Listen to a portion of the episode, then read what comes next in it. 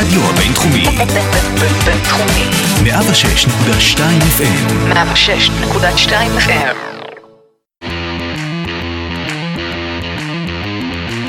לא רק סטודנטים. פודקאסט הלימודים, קריירה והגשמת חלומות. עם יקיר אלעזרי. שלום לכולם וברוכים הבאים לפודקאסט לא רק סטודנטים, פודקאסט אה, הלימודים, קריירה והגשמת חלומות. אנחנו פה עם אה, מיכאל מטיאס, אמרתי את זה נכון. בטח. שהיום חוגג 25, כפיים אה, מיכאל. תשמע, לבוא לפה ביום הולדת שלך, אה, ואמרת לי זה, למה עשית את זה, אז אני, אני חושב שכאילו, באמת שאפו. טוב, בוא, בוא נתחיל. אתה כאן משני סיבות. אחד, כי אתה סטודנט, שתיים, אתה לא רק סטודנט, אז אתה, מיכאל לומד בסטנפורד University אה, בארצות הברית, הוא לומד הנדסת תוכנה, תכף אה, נדבר על זה, מה זה הנדסת תוכנה ולמה בארצות הברית ומה זה סטנפורד בכלל. אה, וחוץ מזה הוא עושה עוד המון המון דברים, אחד מהם הוא מהנדס תוכנה בחברת אה, איפו, שגם, אה, כן, נזכיר אותה, חלק מקרן ההון סיכון אה, J Ventures, ויש לו תוכנית, אה, חבל על הזמן, אני שומע אותה באופן קבוע, אה, נקראת אה, 20 Meeting Leader- אה, Leaders, שלמעשה הוא בא מדבר עם כל מיני אנשים, אה, מנהיגים אה, מהעולמות אה, הטכנולוגיים, או, או כל מיני עולמות שקשורים ביזמות בעיקר, אה, שגם על זה אה, אולי נזכיר ונדבר. אבל קודם כל אני שמח שאתה כאן שוב. תודה רבה. תראה, אתה עושה המון המון דברים, אני עוקב אחריך, אני חושב כבר אה, אה, הרבה מאוד זמן, לפחות, לפחות שנה, אה, ותמיד הסתקרנתי לראות כאילו איך אתה מצליח לשלב את הכל ביחד. מהמם. אבל לפני הכל אני רוצה שתספר לנו קצת על, ה, על הלימודים. בטח. מה, איך הגעת לסטנפורד, מה, מה זה בכלל, ו... מעולה, בכיף. אה, קודם כל, תודה רבה על ההזמנה. זה סופר כיף להיות פה, במיוחד ביום הולדת. אני חושב שגם העניין של הלימודים וגם עניין הפרויקטים השונים, זה בגדול מסתכם נורא בדומה לסיבה גם שאני פה ביום הולדת. אני חושב שזה פשוט העניין של להגיד כן לדברים. אה, קודם כל להגיד כן ואז לחשוב ואז לכוון. ולראות איך משלבים את הכל, ומבחינתי אין שום דבר שאני, שיותר טוב מלחגוג ביום הולדת מאשר עשייה. ואתה יודע, הזדמנות לשבת פה עכשיו, אה, כמה זמן שנשב ונדבר קצת על העבר, ואני אוכל קצת לעשות reflection בזמן הזה, אז אני סופר מתרגש. עכשיו, ספציפית על לימודים, אה, אוניברסיטת סטנפורד, אה, יש לי הרבה מזל שאני נמצא שם כבר אה, שנה וחצי, מסיים את התואר בשנה הקרובה. אה, זו אוניברסיטה מדהימה, זה חוויה אה, בתוך קליפורניה, בתוך עמק הסיליקון, שאתה יודע, פתאום יום אחד מצאתי את עצמי נוחת שם. איך מגיעים ללמוד שם? כאילו... אז אני חושב שיש איזושהי קונספציה שזה איזשהו עולם אחר. סטנפורד, הרווארד, MIT, אפילו, אתה יודע, מישיגן, סינסינטי, זה דברים שלא לא כל כך מובנים איך, איך ניגשים אליהם. בפרקטיקה זה נורא קל. יש טופס באינטרנט, ממלאים את הטופס הזה, אולי מקבלים שיחת טלפון ראיון, שמים פיקדון קטן ומקבלים תשובה. עכשיו, נכון גם לישראלים וגם לאמריקאים ואפריקאים, כל העולם, התשובה בדרך כלל היא לא מטעם זה שיש המון המון, המון אנשים- הגשות. המון הגשות. אבל ההגשה עצמה היא לא כל כך מסובכת. צריך לעשות לזה אולי מבחן קטן, צריך אולי להגיש איזה טופס קטן, ודווקא אנשים שמגיעים מרקע שונה מאשר הרקע, הרקע הסטנדרטי של התלמיד שמגיע לשם, הם מתים על זה, והם נורא אוהבים את זה. וואו. אז, אבל שאלה שבאמת יותר מעניינת אותי, אתה גדלת כאן בישראל, אם אני לא טועה, חלק מהזמן גם בארצות הברית, ורוב ה... לא, בעצם אני לא רוצה להגיד רוב העשייה שלך פה, אני לא יודע, אבל מה גרם לך, בוא נגיד, לשלול את הטכניון, לצורך העניין, או את אוניברסיטת תל אביב, ולהיות על הקו הזה בין ישראל לארצות הברית כל הזמן? אז אני לא חושב שהייתה איזושהי שלילה. אגב, אני אפילו אה, הגשתי מועמדות ל- לאוניברסיטת תל אביב. אה, אני חושב שמה שבסוף, אה, אני לא, לא דמיינתי את עצמי ולא תכננתי לאורך זמן את ההגעה שלי לאוניברסיטת סטנפורד. אני הייתי בבית הספר האמריקאי באבן יהודה, מטעם זה שאני הייתי על הקו רוב החיים בגלל העבודה של אבא ואימא. ומצאתי את עצמי בסוף בתוך מסגרת אה, אמריקאית וישראלית, הגעתי לצבא, שירתתי חמש שנים ב-8200, נהייתי super super ישראלי, אני... אה, כל יום, אני לא מאמין איך עפו חמש שנים. ואז פתאום אני, בא לי סיום הש, השירות. אני בשנה האחרונה, אני התעסקתי בתחום הסייבר במשך ארבע שנים, ואז, ואז עברתי לתחום ה-Machine Learning, והקמתי שם צוות של אה, בינה מלאכותית. ו, ופתאום אני נחשפתי לאיזה עולם מטורף, שלא לא הכרתי אותו בכלל. אבי עובד בשירלנד כבר המון זמן, אבל אני לא, לא התחברתי אליו כל כך ולא הבנתי את המשמעות שלו. ופתאום אני קולט כמה אני לא יודע. ואני, כולם, אם היית שואל את כל מי שסובבו אותי, אני הלכתי לעשות סטארט-אפ אחרי השירות, זה ברור מאליו. נכון. אני נועד לעשות סטארט-אפ, עשיתי סטארט-אפים בתיכון, גם אחרי התיכון, אה, וגם אחרי הצבא אני הולך לעשות. ולא לא חשבתי שאני הולך לעשות לימודים אקדמיים. הרבה אומרים, 8200 זה אוניברסיטה, נכון? גם נכון. אריק שמיט אומר את זה, המון המון אנשים אה, מאוד חכמים אה, מסתכלים על זה כאוניברסיטה ואיזשהו bootcamp מטורף. ואז הבנתי כמה אני לא יודע, ואיך העולם הזה של זאת אומרת, big data... בכל זאת, גם, ש, גם שבאת מהעשייה הזאת בצבא, ב-8200, אתה אומר, אני לא יודע. אני חושב שזה חלק מההבנה שלי של הדברים שיצא לי לחוות בשירות, שאני חוויתי פשוט אנשים מדהימים עם רקע אקדמי, וגם הבנתי שחלק מהדברים המאוד מאוד מעניינים, אתה פשוט חייב את הרקע האקדמי כדי להצליח בהם. זאת אומרת, זה הכל טוב ונחמד שאתה יכול ללכת ולהיות יזם או יזמת וללכת ולעשות דברים, אבל בסוף... יש טכנולוגיות ויש בעיות שפשוט אי אפשר לפתור אותן בלי הבנה עמוקה של אותו מקצוע. אה, כאן אני ספציפית מדבר על מתמטיקה ו- ו- ומדעי המחשב, אבל בלי באמת להבין את האפסים והאחדים, ובסוף מה שגורם לדברים האלה לקרות, נורא יהיה לי קשה להביא חזון יותר גדול לעולם ואיך לייצר טכנולוגיה שעושה אימפקט על מיליארדי אנשים. וזה זה בסוף ההבנה שלי הייתה, שגם הובילה אותי לה, לה, להחליט לה- על איזשהו מסלול אקדמי, לא בהכרח ספציפית סטנפורד. תראה, אני, אני שמח שאתה אומר את זה, כי, לא יודע, יכול להיות מההרגשה שלי, אני רואה הרבה קולגות, אה, גם שלי, אני מאמין חברים שלך מהיחידה, שאולי ידברו אחרת. מהמם. כאילו, ואתה אומר, את, אתה אומר, צריך את הניסיון האקדמי, צריך להבין את האפס ואת האחד. אה, תראה, ואני מעריך את זה. קודם כל, אה, שאתה אומר את זה, בסוף הפודקאסט הזה נועד לאותם אנשים שמתלבטים. מהמם. אז אני חושב ש, שגם אתה מגיע לפה מרקע טכנולוגיה, אתה אומר, למרות הכל, אני לא יודע וצריך ללכת אה, ללמוד. אז עכשיו אה, עם התקופה של הקורונה והכל, איך, איך באמת הכל קורה, אני מניח ברימוט, מרחוק. לגמרי, עכשיו, גם אגב, לגבי מה שאתה אמרת, אני חושב שזה פשוט לא סותר. אני חושב שיש איזושהי הבנה שאתה יכול לעשות או את זה או את זה, ואם אתה לא תעשה את זה עכשיו, אתה לא תעשה את זה... בסוף, יש לנו חיים כל כך ארוכים, ואתה יודע, אם לפני 50 שנה אתה היית שואל מישהו, מה אתה רוצה לו שאתה תהיה גדול, אז יש תשובה, לאחד, תשובה אחת שאתה כנראה תיתן, וכנראה יש לך איזושהי קריירה אחת. היום מדברים על זה שאנחנו, הדור שלנו, דור ה-Y, דור ה-Z, הולכים להיות לנו 12 קריירות. אנחנו הולכים לעבור תפקידים שונים ומגוונים כל כך הרבה, ואם בסוף אני מסתכל על, עליי כ-lifelong learner, מה שאני מקווה שאני יכול להגדיר את עצמי באיזשהו שלב, אז זה הרעיון הזה שאני אף פעם לא רוצה להפסיק ללמוד, ואתה יודע, כל עוד יש לי הזדמנות לשבת ובאמת להעשיר את הידע על דברים, אני הולך להחליף כל כך הרבה קריירות, וגם בזמן שאתה סטודנט, אתה לא חייב להיות רק סטודנט, יש, במיוחד בזמן הקורונה, אין סוף פרויקטים שאתה יכול לעשות, או את יכולה לעשות מהבית, מהלפטופ האישי או מהמחשב שיושב בבית, ו- ופשוט ל- ל- לכבוש את העולם בצורות הכי קטנות או גדולות שאפשר. אה, אז כל, היום אנחנו יודעים, כל ההזדמנויות שם, וזה שאנחנו בוחרים להיות בפול טיים ג'וב כסטודנט איפשהו, שזה פול טיים ג'וב, אי אפשר להתבלבל מזה, נכון. עדיין אפשר שיהיה הוביז אחרים. נכון. עכשיו, הזכרת פה את המילה פרויקטים, הזכרת פה את, ה, את השילוב. אני רוצה כבר לגלוש לחלק השני. בוא תספר לנו על דברים שאתה עושה שהם אה, מעבר, לא קשורים, קשורים ללימודים, לא קשורים ללימודים. אה, איך בסוף המסע הזה של, אתה יודע, בסוף, אה, שאתה אומר, אה, אפשר לעשות הכל, תרימו פרויקט, מה, גם מהמחשב, זה ברור שצריך לזה סוג של אומץ. אתה יודע, לבוא ולגשת, גם, גם עכשיו לצורך העניין, להקליט, להקליט מהבית. צריך, אתה יודע, אוקיי, עכשיו אני מקליט, איך אני עושה את זה, איך אני מוציא את זה לפועל, את מי אני מביא לראיין. יש, אתה יודע, לגמרי. לך זה נראה טריוויאלי.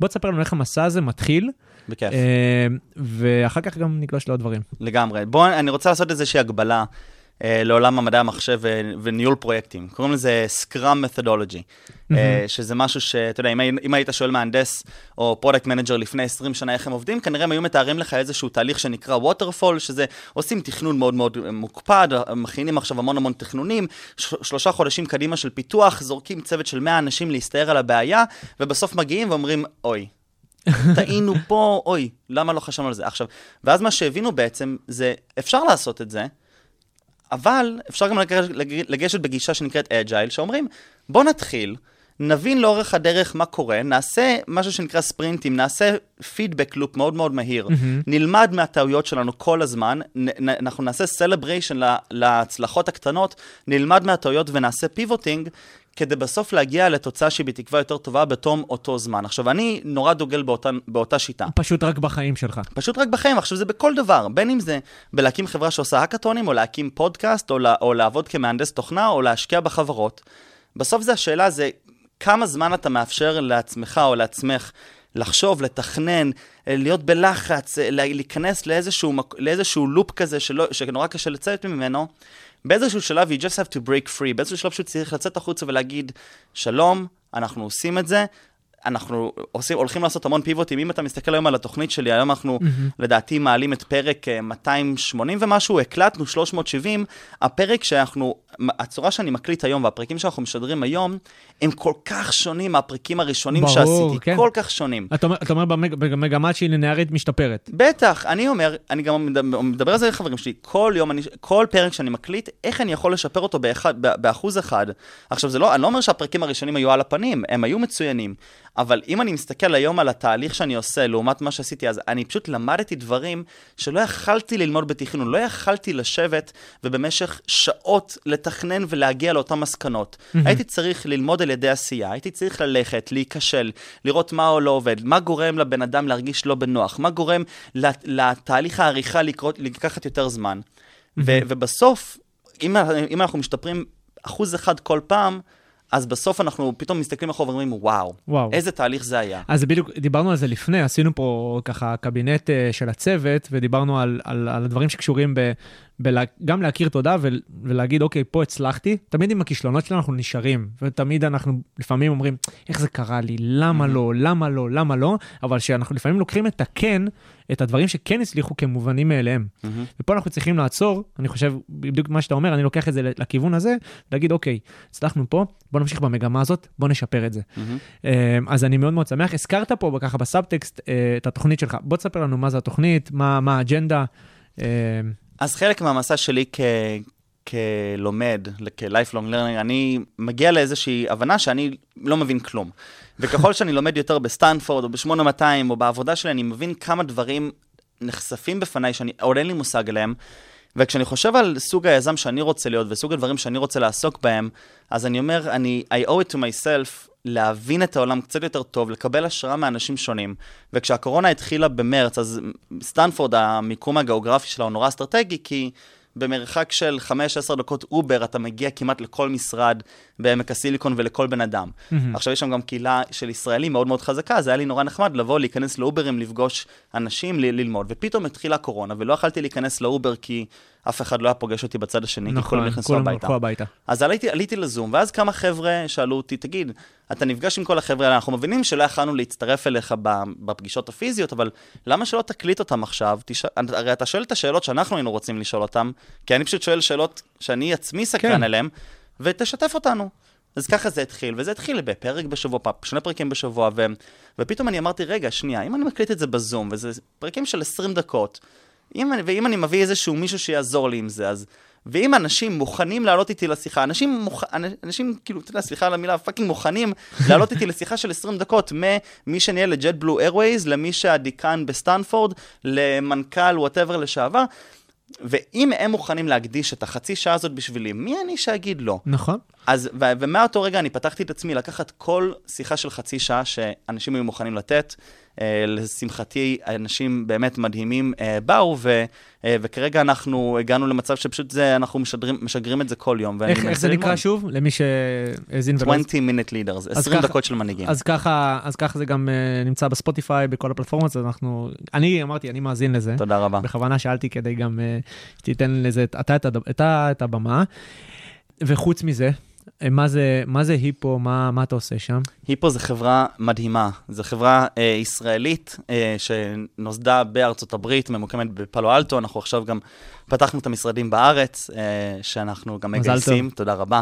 אז אה, כל מי שמאזין לזה ורוצה להתעניין, אז אה, בשמחה ליצור קשר. עכשיו, היפו עצמה, היא נמצאת תחת ה-revolution של אה, אינשורטק. עכשיו, מה זה אינשורטק? זה כל הרעיון שאנחנו, יש לנו תהליכים נורא בירוקרטיים, נורא עמוסים של מאות שנים, הרי ביטוח... רגע, אינשורטק בדיוק, זה ביטוחים. זהו, ביטוח. עכשיו, אם אנחנו מסתכלים על תהליך הביטוח, זה, זה נורא סיזיפי, זה נורא מיושן. תדמיין לעצמך ערימות של קלסרים ואנשים וסטטיסטיקות. נכון. ו... ובסוף זה גם... זה זה ביטוח. זה סוכני ביטוח, ו- לא, וזו תעשייה קצת, יודע, קצת מגעילה, בזה שאתה כן. יודע, הרי תחשוב הרי, מה, זה- מה האינטראקציה שלך, ל, מה, האינטראקציה בינך לבין הסוכן ביטוח שלך. אתה משלם להם לתת לך איזשהו משהו, אתה משלם להם המון שנים, כל שנה אתה מוציא המון המון כסף על ביטוח, עד שיום אחד קורה משהו, ואתה סוף סוף תובע אותם, כדי שהם יחזירו לך את הכסף. זה מערכת יחסים מאוד לא תקינה, נכון. היא מאוד לא כיפית. הרי בסוף אתה, אתה כאילו מחכה לדפוק את הבן אדם שכביכול אמור לעזור לך. ואז, וגם כל המסע של בסוף התביעה עצמה היא לא נחמדה, ואתה בכלל איבדת עכשיו חלק מהבית שלך אולי, כל הסיטואציה על הפנים. שמע, אפילו האקרים הצליחו להוציא משירביט כסף על ה... זה באמת, עכשיו, מה, מה בא אסף ואנד, המנכ"ל של היפו אה, והשותף שלו? אנשים כולם מחוברים לטכנולוגיה, לא כולם יש סמארטפונים, הרי בסוף כל האינפורמציה שם, לא צריך לעלות לשיחה של 20 דקות, שואלים אותך שאלות כמו, מה, אה, באיזה שנה אה, בנו את הגג שלך? אז קודם כל, הרבולושן הראשון שהם עשו, זה לאפשר לכל אחד לקנות ביטוח לבית ב-60 שניות.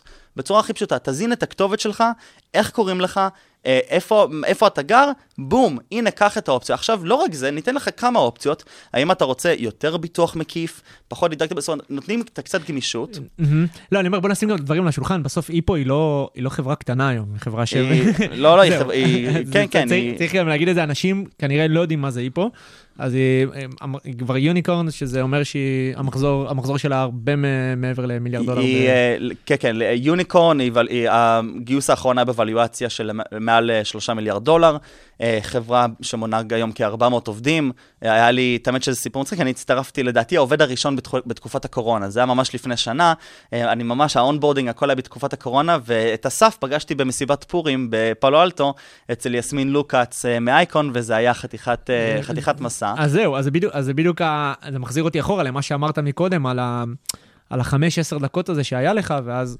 חד ואז, ואז משמעית. אתה יוצר את ה networking, את הרשת קשרים הזאת, שבעצם הביאה אותך בכלל להגיש מועמדות, או, או לדבר לגמרי. עם אסף. אה, לגמרי. ועכשיו, הדבר שהכי מרגש אותי, שאני חייב להגיד אותו, כי שם זה ה innovation האמיתי, הרי אפשר להסתכל על התהליך הזה של ביטוח ולהגיד, אוקיי, אנחנו פשוט עושים את זה קצת יותר נוח ויותר אוטומטי. אבל אם אנחנו מסתכלים על עולם ה big data קצת יותר גדול, ועולם ה machine learning קצת יותר מורחב, מבינים שיש לנו כאן הזדמנות מדהימה לבוא ואנחנו שולחים מכשירי IoT לבתים של אנשים, אנחנו שולחים להם סנסורים בחינם, אומרים להם, רק תתקינו. אנחנו משלמים, תתקינו, ואגב, אם אתם מתקינים, אנחנו ניתן לכם הנחה. כי אז אנחנו עוזרים להם למנוע אסון, אז הם לא תובעים אותנו, הם לא מאבדים את הבית, וכל מערכת היחסים הזאת היא הרבה יותר תקינה. ואני, ו, וכל זה בקונטקסט של אני מתרגש מ innovation, אני מתרגש כשאני רואה אנשים חושבים מחוץ לקופסה, בין אם זה בפודקאסט, או בין אם זה בלימודים, או בכל פרויקט אז זהו, אחר. אז חשוב להגיד, אנשים, אה, ואני רואה את זה גם כ, כאיש אה, שעובד בחברה שעושה innovation, אז תמיד שואלים אותי, תגיד, יקיר, איפה הקוד פה? איפה, ה, איפה, החדש, איפה הטכנולוגיה? איפה ה machine learning? אז אני עוצר ומסביר, חבר'ה, חדשנות זה לא רק טכנולוגיה, זה גם מערכות יחסים, זה גם בלדעת להקשיב אה, אה, לאנשים שלך, או ללקוחות שלך. יש את ה... אני תמיד חוזר על זה, אבל, אבל אחד מהדברים שאנחנו רואים היום, יחד עם מהפכת ה-ESG, שהסביבה וה, והסוציה, והסושיאל ו- וכל הדברים האלה צריך להקשיב גם לאנשים שלנו וללקוחות שלנו, מהפכת הקפיטליזם הקשוב הזה. אז, אה, אז קודם כל, אני, אני שמח שדיברת על זה. ואתה עושה עוד משהו ב-J Ventures, אנחנו מדברים פה הרבה על הון סיכון, בוא תעשה את זה קצר, תסביר מה. אתה עושה שם. בשמחה רבה. אני פגשתי את עודד חרמוני לכוס קפה לפני שנה. הזדמנויות, הגעתי לסיליקון וואלי, במקרה ישבתי איתו לקפה, בתום שיחת הקפה לחצנו ידיים ואמרנו, מיכאל, ברוך הבא כאסוסייט חדש ב-J Ventures. J Ventures זה קרן חדשה שעודד הקים, אה, קוראים לזה קיבוץ, קפיטליסטי קיבוץ, בעמק הסיליקון. אה, רוב המשקיעים שם הם אה, יהודים וישראלים, יהודים מארצות הברית ומכל העולם, מ Latin America ומאירופה ומאסיה ומישראל. והרעיון זה לקחת אנשים מטורפים, מומחים בכל ה industries השונו, השונים, ולבוא ביחד ולהשקיע ביחד בחברות מדהימות, מ pre-seed עד ל pre-IPO.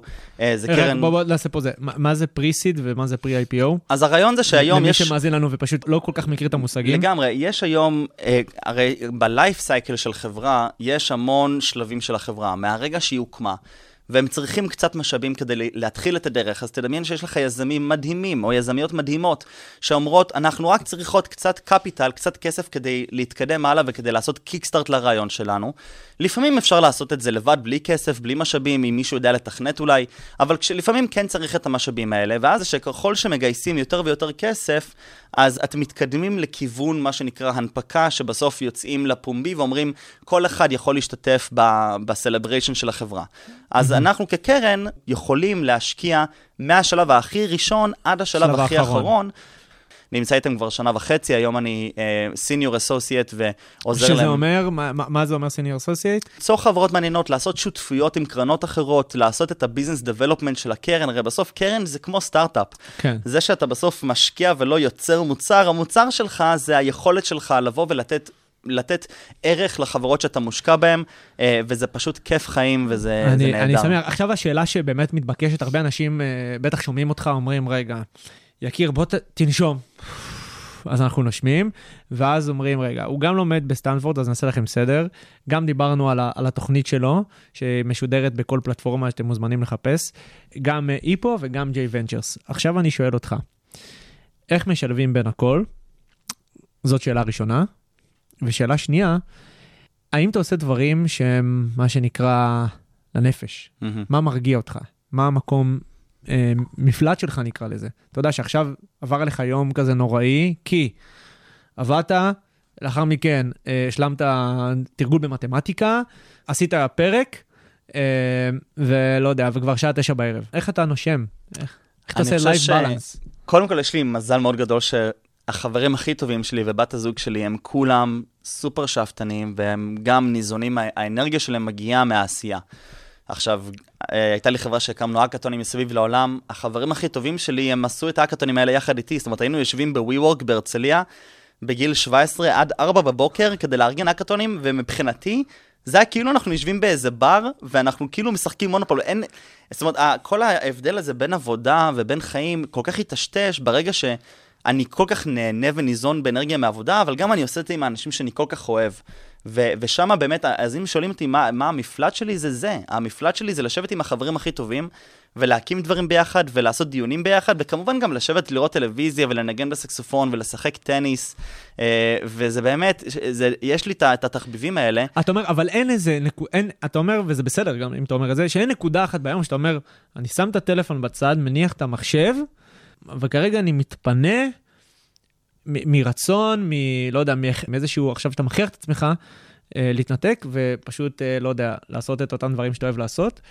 האם אתה עושה עצירות כאלה? אז יש לי את העצירות האלה חד משמעית, עכשיו הטלפון שלי אפילו לא על שקט, הוא, הוא כבוי, כי אני לא בעולם הזה. היום, עכשיו זה אני ויקיר, אנחנו פה ביחד, אנחנו מדברים על החיים, ואני גם שם לב לזה גם בתוכניות שאני עושה, ב-20 minute leaders, אני, הח, החצאי שעה האלה, אני שם, אני בתוך השיחה, אני שוכח מאיזה דברים, הם לא מעניינים. כשאני יושב עם בן אדם, או כשאני עובד על משהו, מצד אחד אני עושה הרבה דברים, מצד, אני חושב שגם חלק מהיכולת לזה, זה היכולת גם להיכנס deep down, drill down, להיות בפוקוס, ו- ולא לא להיות tempted להסתכל כל הזמן ימינה ושמאלה. כי כל הזמן, מסיחות דעת האלה. כל הזמן יש הודעות, ויש אינסוף פלטפורמות, ויש עכשיו Clubhouse וטיק טוק ואינסטגרם והתראות בלינקדאין וזה. אם אתה כל הזמן מסתכל ואתה כל הזמן, זו, אז זה נורא נורא קשה לאש... ל- ש- שמצד שני, גם זה, זה חשוב להסתכל. אתה יודע, לפעמים ההזדמנויות מגיעות משם. אני לצורך העניין הגעתי אליך דרך, אה, דרך פלטפורמה שכאילו בוא שלח הודעה ומייל, ואם לא היית עונה לי אז... חד משמעית. עכשיו, אני חושב שכן יש הבדל, אני, יש כמובן מדברים על פומו אין סוף, אבל יש הבדל בין לה, להסתכל על זה בריל טיים ולהרגיש סוג של עבד של המכונה הזאת ושל התקשור, התקשורת החדשה שנוצרת, לבין, אתה יודע, וזה בסדר גם אחרי שעה, שעתיים להסתכל ולהיות בפוקוס על משהו ספציפית. עכשיו בדיוק אנחנו, אה, אנחנו גם משקיעים באופן פרטי בחברות בשלבים מוקדמים, אז השקענו בחברה שנקראת סופר טולס של תומר ברב, שהם עושים ק- אה, קלנדר חדש. ואחד הדברים שאני יושב עם תומר על אה, בירה ואנחנו מדברים, זה החשיבות הזאת למשהו שנקרא Deep Work Sessions. הרעיון הזה שהיום בעולם שהוא כל כך connected, כל הזמן יש אימיילים, וכל הזמן יש דברים שצריך לעשות, היכולת רגע להתנתק ורק לעבוד על מה שאתה עושה, כי ברגע שיש לך קונטקסט סוויץ', ברגע שאתה עובר ב- עם הסחות דעת, המון מחקרים הראו את זה, ברגע, כדי לחזור מהסחת דעת, לוקח לך כמה דקות רק לחזור לאותו מקום שאתה היית בו, ב- ב- ברמת המחשב. בעבודה והלמידה העמוקה הזאת. ולכן אני חושב שחשוב מאוד להיות נורא אינטנשיונל ולהיות נורא נורא אה, ברור למה אתה עושה את מה שאתה עושה, איך אתה רוצה לבלות את הזמן. כשאני משחק טניס, אני לא עם אפל וואץ', או כשאנחנו, כשאני יושב לארוחת ערב עם בת הזוג שלי, אז אני לא עם הטלפון. אה, בשאר הזמנים אני כן. אז זאת אומרת, אני חושב שאני פשוט נורא מגדיר לעצמי מהם הגבולות גזרה שלי. ואתה אומר, אני אני בכלל מתנהל." לא קשור לזה, אני פשוט שם את הטלפון באיזושהי נקודה, כמו שעכשיו כיבית אותו, ו- ועושה את אותם דברים. לגמרי, אני חושב שזה בסוף, כל אחד, כל אחד צריך לקבל החלטה לאיך הוא, מה, איך הוא הולך להתנהל בשעה, שעתיים הקרובות, וזה, וזה חלק מזה, אין ספק. תראה, אני, אני מדבר איתך, קודם כל, אני, אני עכשיו אה, גם לומד המון, אבל בעיקר בא לי, מה שנקרא, לעלות על הרכבת הזאת. כאילו, גם, אה, כמו שאמרתי, הזכרתי את זה, אני עוקב אחרי המון זמן, וגם אה, מהשיחה הזאת, אני אומר, בא, בא לי, בא לי להיות בחבו הזאת שיושבים ומפתחים ועושים ו- וכולי. והכל נראה, אתה יודע, למי שמאזין לנו, אומר, וואלה, אני... אין סיכוי בעולם שאני מצליח להגיע לפוזיציה שלו, לזה שלו, ובגלל זה אנחנו שמים את הפינה הזאת של בוא תספר לנו על, על איזשהו קושי, על איזשהו מכשול בדרך, על, על דברים שנתקעו לך ולא הלכו כמו שצריך. לגמרי. יופי, אז תראה, אני חושב שאני חזרה ממש להתחלה של ה waterfall מול agile.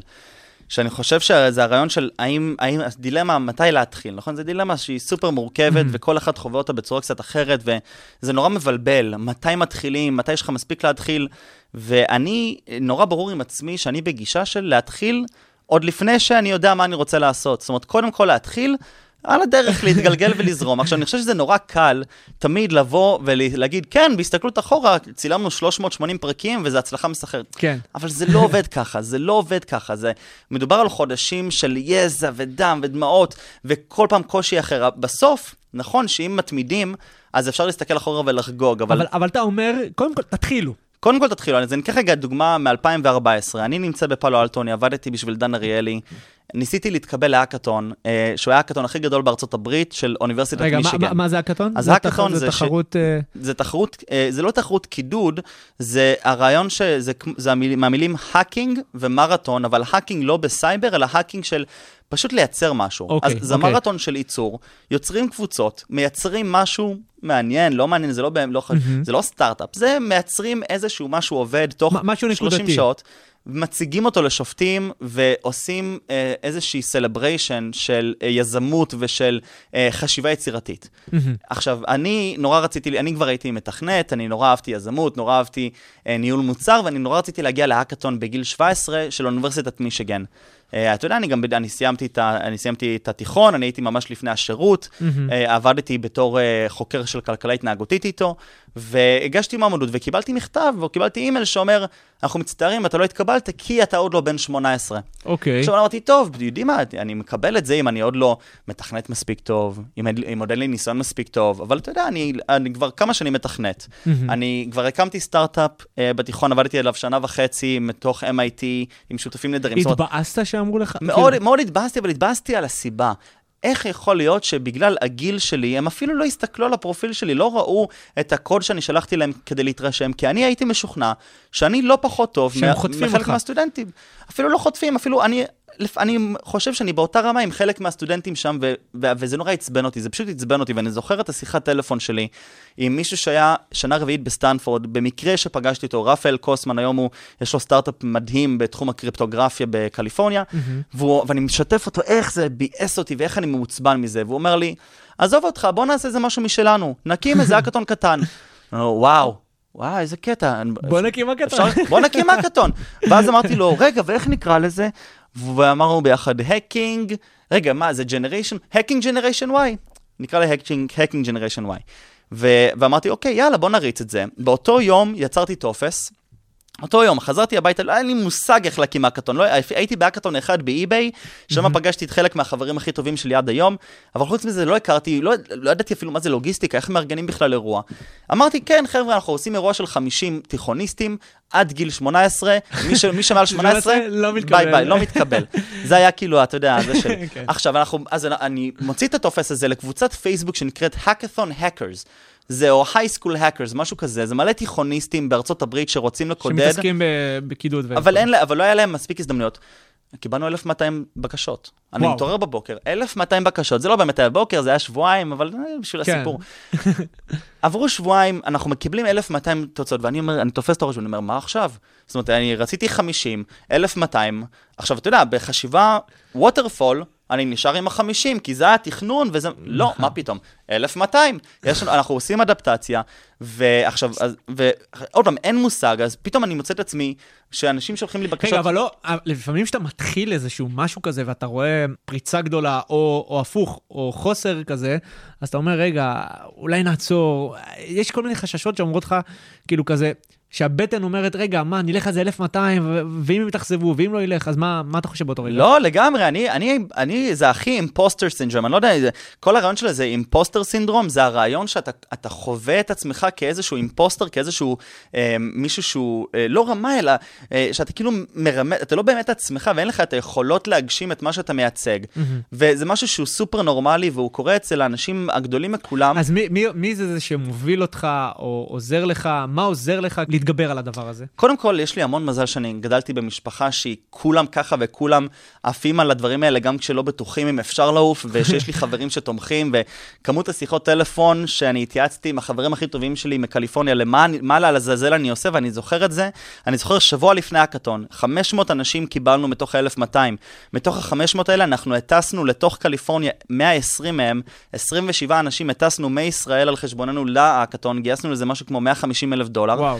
עכשיו, אתה יודע, אני בן 18, ואני אומר, מה לעזאזל אני הכנסתי את עצמי? אני הולך עכשיו לקבל פה 500 בני נוער, אני אפילו, אתה יודע, ברמה הביטוחית, מה קורה? כן. אני, אין לי מושג, מה הולך פה? עכשיו, אני עוד, איכשהו שכנעתי איזה קרן הון סיכון לתת לי את הבניין שלהם, כדי... שייתנו לך, אה, שייתנו לי את כל הבניין, ואני אומר לעצמי, אני, מה, אני, איך אני מחזיר להם אותו? כאילו, מה, 500 תלמידים, בני נוער, אתה יודע, מלא סוכר, ב-4 בבוקר, עכשיו זה מרתון.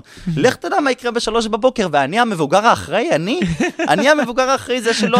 בגלל, עכשיו, אתה יודע, אז היה לי המון מזל שהיו לי המון המון תומכים שבאו וביקשתי עזרה, אני פשוט, אני, זה, זה, אי אפשר לפחד לבקש עזרה, אני אמרתי, תקשיבו, קורה פה משהו, זה מתגלגל.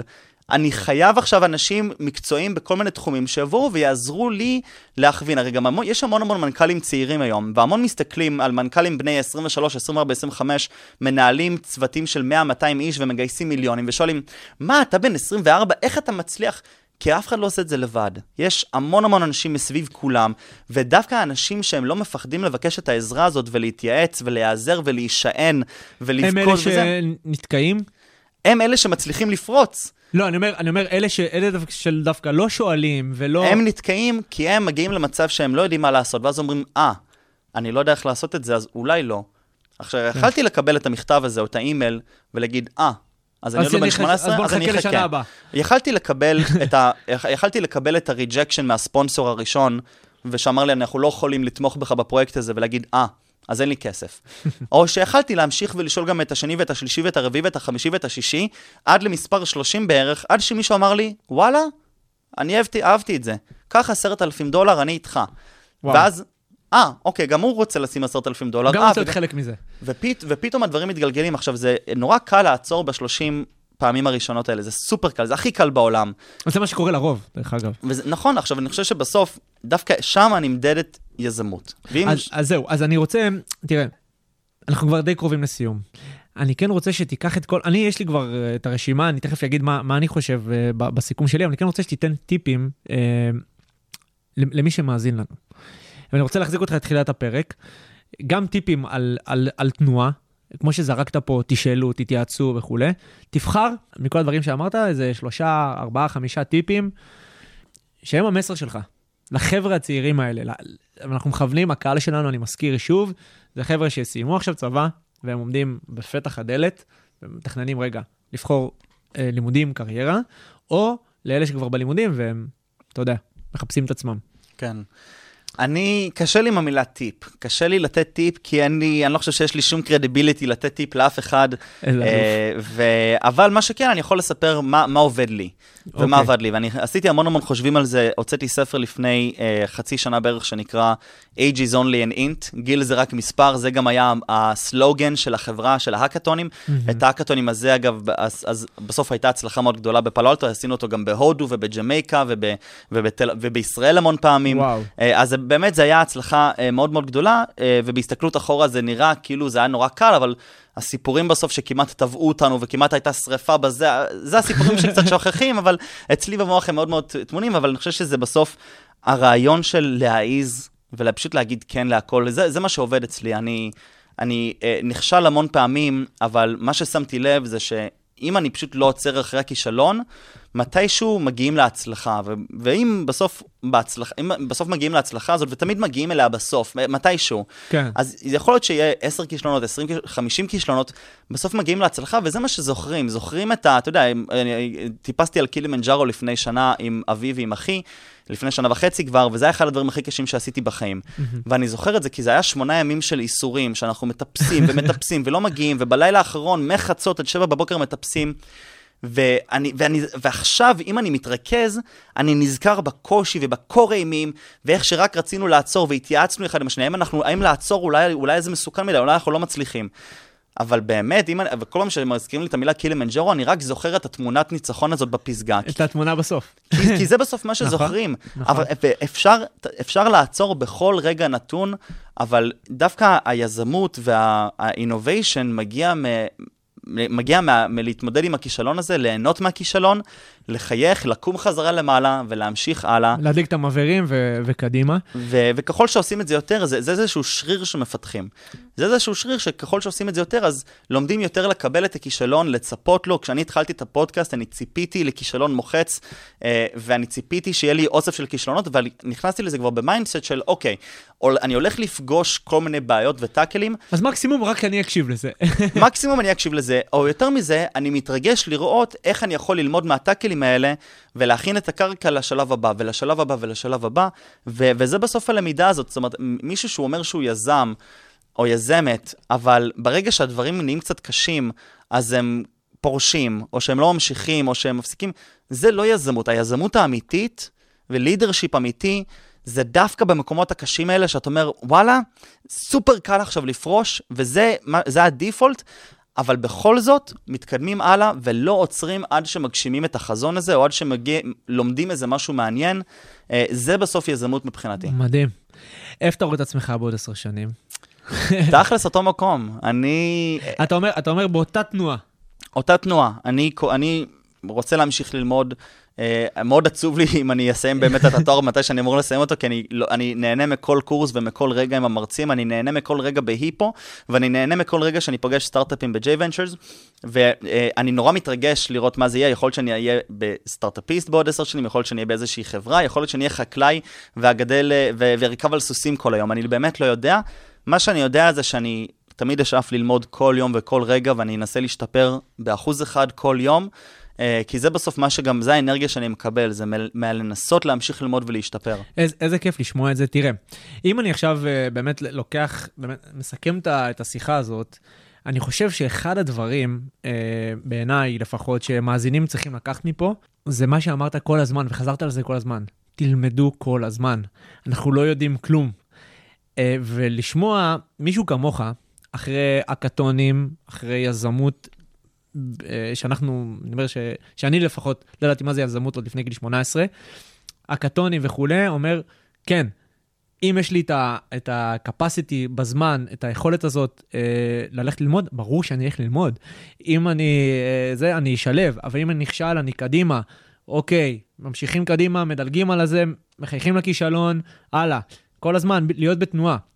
וזה הדבר הראשון, שאני ככה לוקח כמסר אה, למי שמאזין, וגם אליי. אגב, אני חייב להגיד שזה רק חודד לי דרך התוכנית. אם אנחנו מסתכלים, לדעתי, ראיינתי משהו כמו 80 יזמים שהביאו חברה להנפקה בשווי של יותר ממיליארד, ואחד הדברים שחוזר על עצמו כל הזמן, זה פשוט, הם, הם, אין להם, אתה יודע, הם, הם אומרים, אין לנו מושג. אנחנו קמנו בבוקר, הייתה החלטה קשה, אין לנו איזשהו משהו חכם לומר יותר מאשר מישהו אחר, אבל הם התייעצו והם לא חששו להתייעץ, ויש, בשביל זה גם יש כל כך הרבה אנשים שמעורבים בהחלטות האלה. בסוף, היזם צריך לדעת לקחת את הכישלון ולהוציא ממנו אנרגיה, ולהפעיל את האנשים מסביב כדי לעזור לקבל את ההחלטה. אבל בסוף, זה, זה בסוף המטרה של היזם או היזמת, לא לבוא עם התשובה לכל דבר, כי לאף אחד אין את זה. נכון.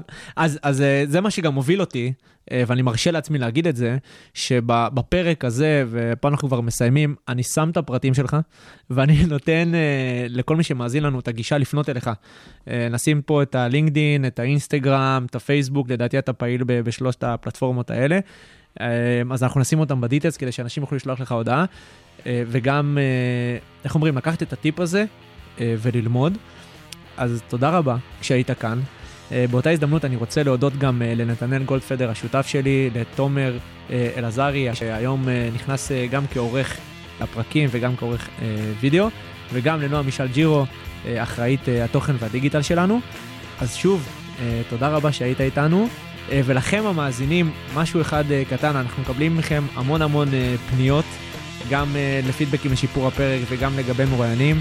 אז, אז אנחנו עכשיו לוקחים, אני אומר את זה ככה, בזה, ניקח הכל לתשומת ליבנו, ונעשה את הטוב ביותר כדי לחזור לכולם. אז תודה רבה. תודה רבה. לא רק סטודנטים.